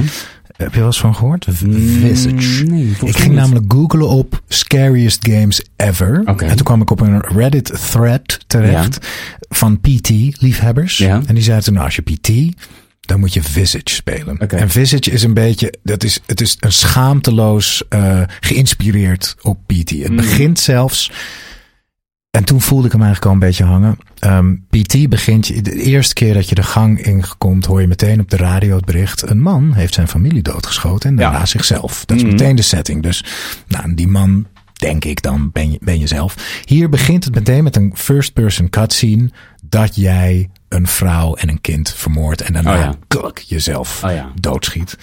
Dus eh, meteen heel erg één op één. Ja. Eh, Oké, en dan word je letterlijk wakker in een lege kamer. Je gaat een deur door. Je kan die deur niet meer terug in. Oh en je ja. zit in een huis met zo'n enge klok. Dus het is schaamteloos PT. Ja. Het was toch wel eng. Het heeft als mechanic. Het, het huis is ten eerste echt veel groter. Het is een heel groot huis. En het heeft echt die realistische graphics van PT. Het heeft exact dezelfde regen op de ramen. Precies Mhm. dezelfde desolate sfeer. Uh, maar het heeft als mechanic dat het, dat je, het heeft uh, een sanity meter. En hoe donkerder het wordt, hoe langer je in het donker staat, hoe gekker je wordt. Nou, ik heb het zo gespeeld. Ik werd nooit gek, want er, er gaat dan bijvoorbeeld een lampje springt dan pling. En dan denk je, oh god, naar dat Ja. lampje. En door het huis verspreid liggen peertjes. Maar ik kwam op een gegeven moment niet verder. Je moet gewoon de hele tijd, net als PT, iets triggeren. Ja. Waardoor je verder komt. En op een gegeven moment, dat huis was zo groot. En ik vond het ook een beetje eng om daar rond te lopen. Ja. Dus ik dacht, ja, hoe moet ik nou verder? Dus ik was eigenlijk, ik heb het een uur gespeeld. Ik was eigenlijk alleen maar lampjes aan het vervangen. Een soort handyman. Ik was, het was voor Een mij, uiteindelijk- en uiteindelijk is de engheid er ook een beetje van af. Ja. Dus ik was Je bent voor mij, een keer geweest. het was voor mij gewoon een soort klusjesman simulator. Ik heb wel tien peertjes vervangen. Oh, er springt er weer één. En toen dacht ik, en op een gegeven is die muziek ook dan niet meer eng. Dus Nee. ik, ik heb eigenlijk een uur in Visage, wat het engste spel ooit ja, hoort te zijn. voor mij is het gewoon Handyman Simulator. Oké, ja. alleen maar peertjes vervangen. Dat kan ik nu dan echt wel heel, Heel goed. goed, Heel ja. goed ook. Ja. Maar ik heb dus nooit zo ver laten komen als dat peertje, als het lampje sprong en het Nee, wordt precies. donker. Dan schijnen dus gruwelijke dingen te gebeuren. Zover heb ik het gewoon Nee, niet laten want je komen. bent gewoon te goed in ik ben lampjes. gewoon een handyman. Ja, precies. Heerlijk. Visage. Ja. Ehm, ik wil nog één game noemen ook. Mhm. Iron Lung. is een game die eh, in 2022 is uitgekomen. Heb je die nog gespeeld? Nee, ik heb, hem, Nee. ik heb hem gedownload, maar ik ben hem nog niet begonnen. Het is wel grappig, want deze game kwam ineens... eh, hij stond al lang op mijn radar. Hij komt uit 2022 vorig jaar, maar hij is toen best wel goed ontvangen in zeg maar, de indie scene. Het is een game waarin je hij duurt echt maar anderhalf uur of zo. En je zit in een submarine. De wereld is vergaan.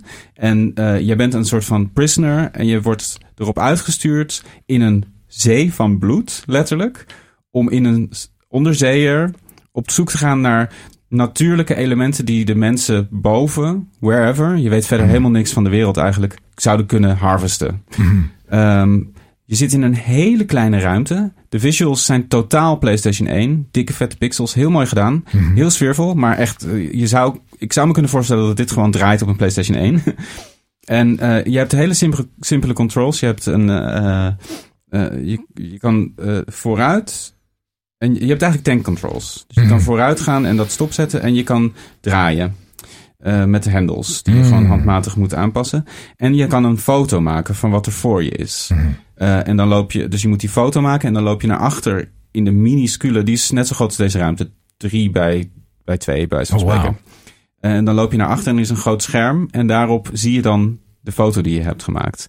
En die foto's zijn altijd heel, ja, heel donker, heel zwart. Sowieso, dus die, die PlayStation, allemaal uh, helemaal PlayStation 1 stijl. Dus uh, je ziet een soort van tentakels, een soort van, ja, hele nare beelden sowieso. Het is heel beklemmend. En je moet je weg vinden door een map die je alleen gewoon los kan aanklikken. Dus je bekijkt de map, je ziet waar je bent. En er zijn een paar punten die je moet opzoeken. Maar je kan niet tegen de zijkanten van de muren aankomen. Dus je ziet gewoon de paden lopen die je Mm. moet nemen. Mhm. En zo moet je navigeren, dus eigenlijk blind. Af en toe kan je een foto maken. En je moet steeds een foto maken van de plekken die gemarkeerd zijn op de map. Dat is de hele game. Uh, en het is echt super beklemmend en super goed gedaan. Uh, Vet, uh, ik ben benieuwd. Ik ja. kan me zo weinig bij voorstellen. Het is ook heel rood, toch? De graphics. Heel veel rood. Ja, ja. Heel, heel erg, ja, inderdaad zo'n beetje dat alarmlichtachtige ja. gevoel. Op een gegeven moment, nou ja, goed. Ik ga niks verklappen. Zo ja. kort, er is weinig, nou, dit is het een beetje. En het grappige is dat dit jaar was dat hele ding met die onderzeeërs, met, met die onderzeeër met uh, die rijke mensen erin, die naar Titanic gingen, toch? Mm -hmm. Die uh, verdwenen waren. Verdwenen, ja. ja. En die game, toen dat gebeurde, want het duurde volgens mij een week voordat er nieuws was daarover, is die game ineens extreem populair geworden. Omdat iedereen dacht, oh, was er niet die game? Oh ja, wauw, dit is gewoon mm. de vastzitten in een onderzeeër uh, uh, uh, simulator. Dus heel bizar dat zo'n ja. indie game op zo'n manier ineens uh, een soort bekendheid Ik denk dat die developer het heeft, die developer het heeft veroorzaakt, dat ja. ongeluk. Om Hij heeft het eigen game. gedaan. Ja. David Simanski. Ik weet niet of het Russisch of in elk geval Oost-Europees is het. Ja. Goed, uh, ook wel echt een aanrader. En uh, ook op Switch en uh, Steam. Volgens mij kost hij maar 5 euro. Ja. Uh, ja, er zijn zoveel horror games. Heb je nog, uh, heb je nog wat in de aanbieding? Of, um... uh, nee, ik, ik, ik vind het gewoon hartstikke eng. Ja, precies. ja. Ook. Ja, ik geniet ook erg van horror elementen in spellen. Dus bijvoorbeeld Ja. in de Batman, de Batman trilogy. Als je Mhm. dan eh, Scarecrow tegenkomt. En het is altijd, het is echt een ding geworden van single player narrative games de afgelopen Ja. tien jaar. Dan rook je een of, dan ruik je een of andere walm van een druk op. En dan weet je niet wat het is. En dan Zeker. eh, weet je wel, eh trip dingen in Ja, games. ja. Spider-Man zit het ook heel goed in. Dus Mhm. altijd wel een bad guy die, of je injecteert met iets. Dat zijn altijd vette dingen. Je hebt toch ook in GTA, is het toch met vogels? of zo? Oh mijn god, in Ja. GTA heb je zulke goede trips ja, ook. ja, ja, Ja, ja. Ja. Ik ben nu trouwens gisteren ook nog even begonnen aan Dead Space. Echt de eerste half uur. Nice, hoe vond je Oh, het? heel, heel erg vet. Ik dacht dat het first person was, maar het is third het person. is, het is echt... Jij hebt die eh, oude gespeeld Ik heb de oude gespeeld, ja. Ik vond het zo goed, die omgevingen en de soort van groundedness ervan. Ja, het de is hele cutscene in het begin ook. Het is ook de remake, staat op Game Pass ook. Eh, ik dacht echt van, eh yeah, this, this, is my, this is my jam. Het is, het is echt vet. Heb je al veel combat gehad? Heel klein beetje. Echt één, één zo'n freaky ding. Ja, ja, necromorph, wat is het? shoot the limbs. Shoot the limbs, Ja, ja, het, het, het, het gaat inderdaad tegen je verwachtingen in van headshots. Headshots werken niet. Je Nee. moet juist de, de ledematen afschieten. En ik, ik zie het ook echt als het spirituele vervolg op Resident Evil 4. Ah ja, Het is Ja. echt die gameplay. ja, vet. Dus meer daarover volgende week. En Ja. ik hoop eigenlijk... eh Alan Wake heb ik ook nog even gecheckt, de eerste. Jij ook, maar kwamen allebei niet heel erg veel verder dan Ja, jij vond het niet zo boeiend, hè? Nee, ik vond de combat vooral een beetje lastig. Ik vond, ik vond het wel vet dat het een soort van dat seriegevoel. En ik, vond de, ik vind die opzet met die zaklamp wel heel tof. Dat dat, dat ook.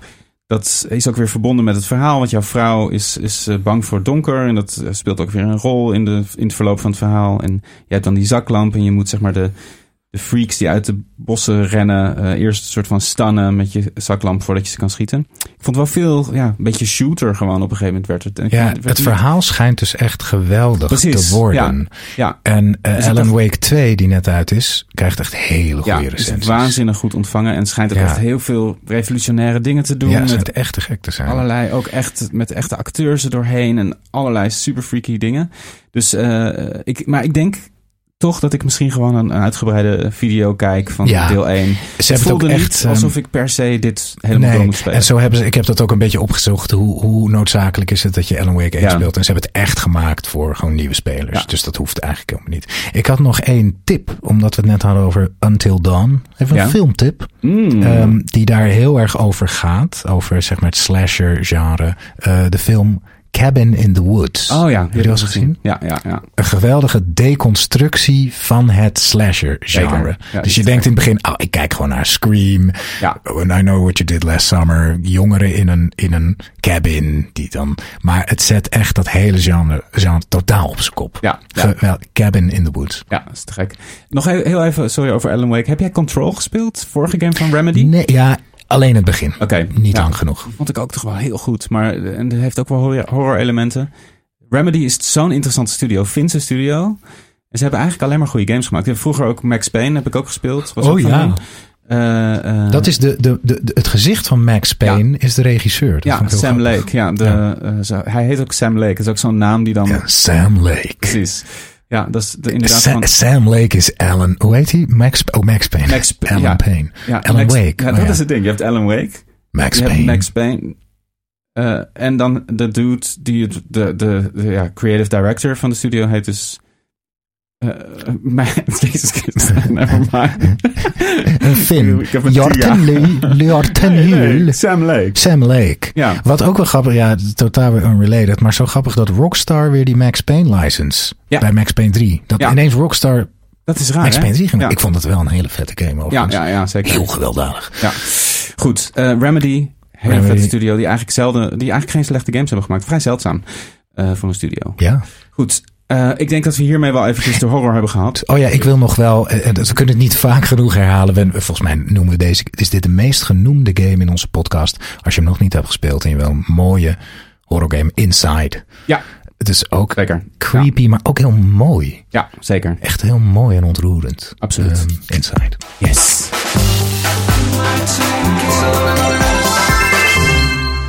Eh, ik wil, omdat het de eerste podcast van de maand is, eventjes wat games noemen die uitkomen die misschien mensen wel interessant vinden. Dat is misschien wel leuk. Laten we dat doen. Laten we omste beurt eentje noemen. De games die uitkomen deze maand. Robocop Rogue City. Krijgt Ja. goede, goede recensies. Ja, goed, goed eh, ontvangen, ja. Eh, voor een licensed, typische licensed game. Ja. Eh, volgens mij is het ook hartstikke leuk. Ik heb een filmpje gezien, het zag er goed uit. Eh Talos Principle 2. Dat is een puzzelgame. Heel goed ontvangen.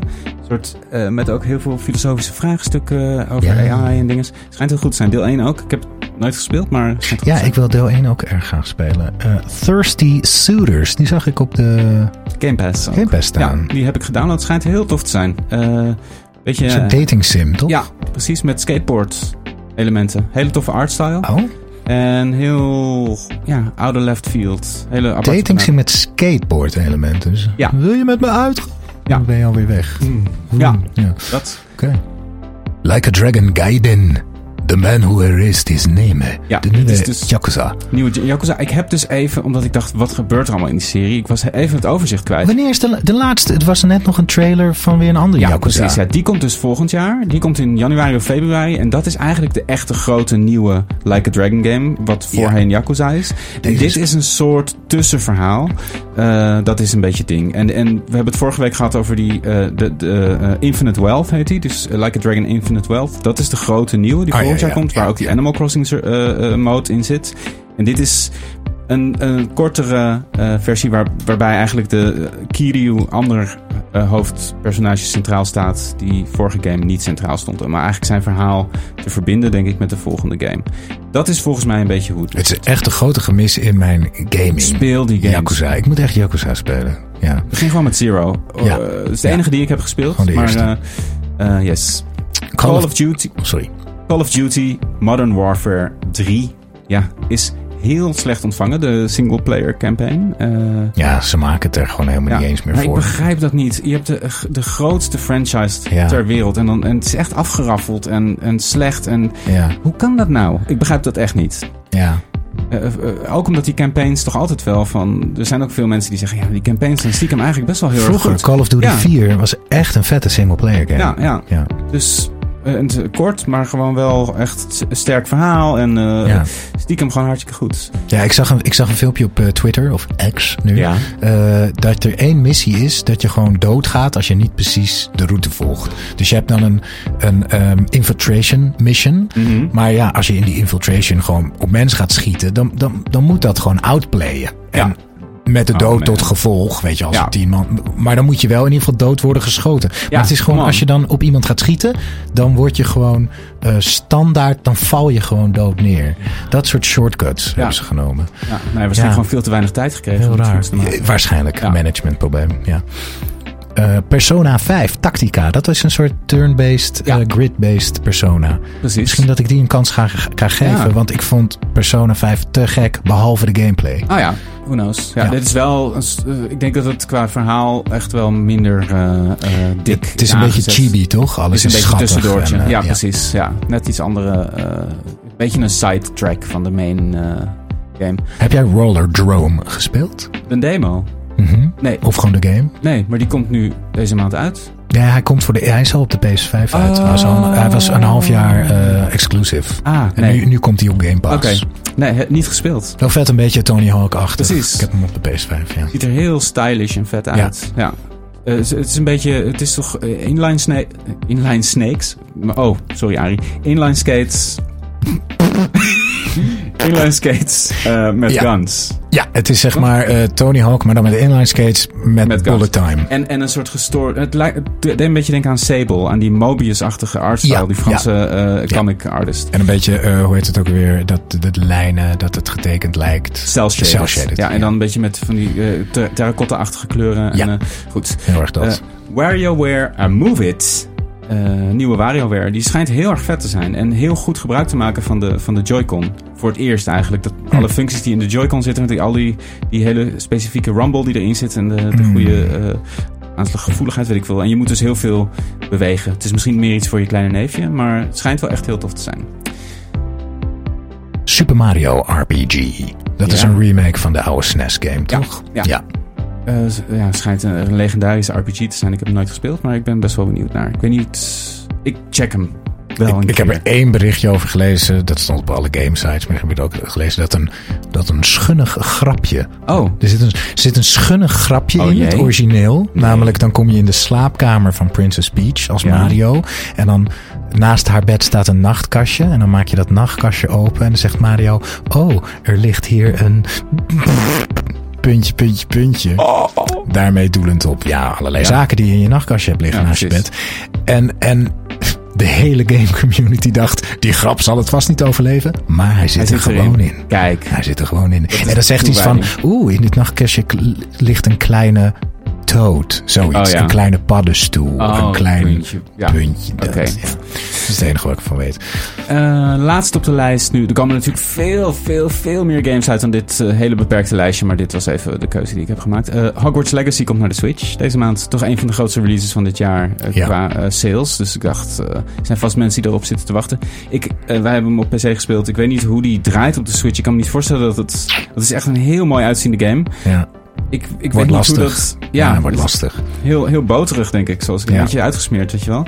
Maar... eh, Ik twijfel steeds of ik... Ik heb, hem, ik heb hem op de PS5. Ja. Ik twijfel steeds of ik nou moet spelen. Met zoveel goede shit die ik nog moet doen. Ik weet het niet. Hanna heeft hem gespeeld. Die heeft er echt enorm van genoten. Maar zij is ook echt ja, enorm met Harry Potter opgegroeid. En Ja, echt ja.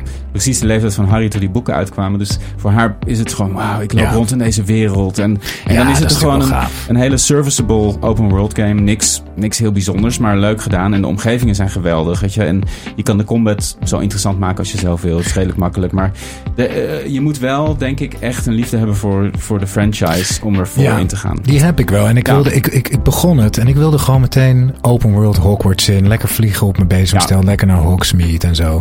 Maar dan begint het weer zo met zo'n tutorial. Oh, kom hier en pak dit. En dan ben je gewoon een rat in een, in een maze. En dat vond ik zo irritant dat ik ermee ben gestopt. Ja, nee, dat begrijp ik wel. Dat, eh, veel open world games hebben dat.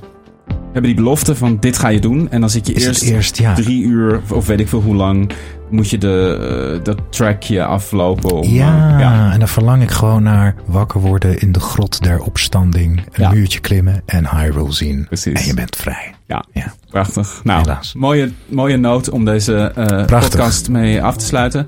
Eh, heel erg bedankt voor het luisteren en voor het insturen van al jullie mooie vragen en verhalen. Blijf dat zeker doen via Instagram of via de e-mail maartenenkees.gmail.com. Yes. Wij zijn er volgende week weer met aflevering 25. Jubileum. Yes, zie jullie dan. Bye bye. Doeg.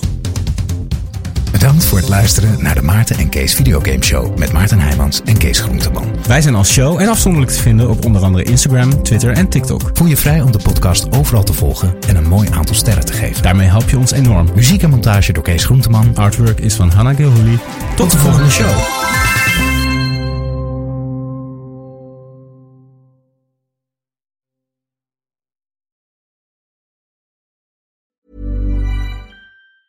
Mom deserves the best, and there's no better place to shop for Mother's Day than Whole Foods Market. They're your destination for unbeatable savings, from premium gifts to show-stopping flowers and irresistible desserts. Start by saving 33% with Prime on all body care and candles. Then get a 15-stem bunch of tulips for just $9.99 each with Prime. Round out Mom's menu with festive rosé, irresistible berry chantilly cake, and more special treats. Come celebrate Mother's Day at Whole Foods Market. Hey, it's Danny Pellegrino from Everything Iconic. Ready to upgrade your style game without blowing your budget? Check out Quince. They've got all the good stuff shirts and polos, activewear, and fine leather goods, all at 50 to 80% less than other high end brands. And the best part? They're all about safe, ethical, and responsible manufacturing. Get that luxury vibe without the luxury price tag. Hit up quince.com slash upgrade for free shipping and 365 day returns on your next order. That's quince.com slash upgrade.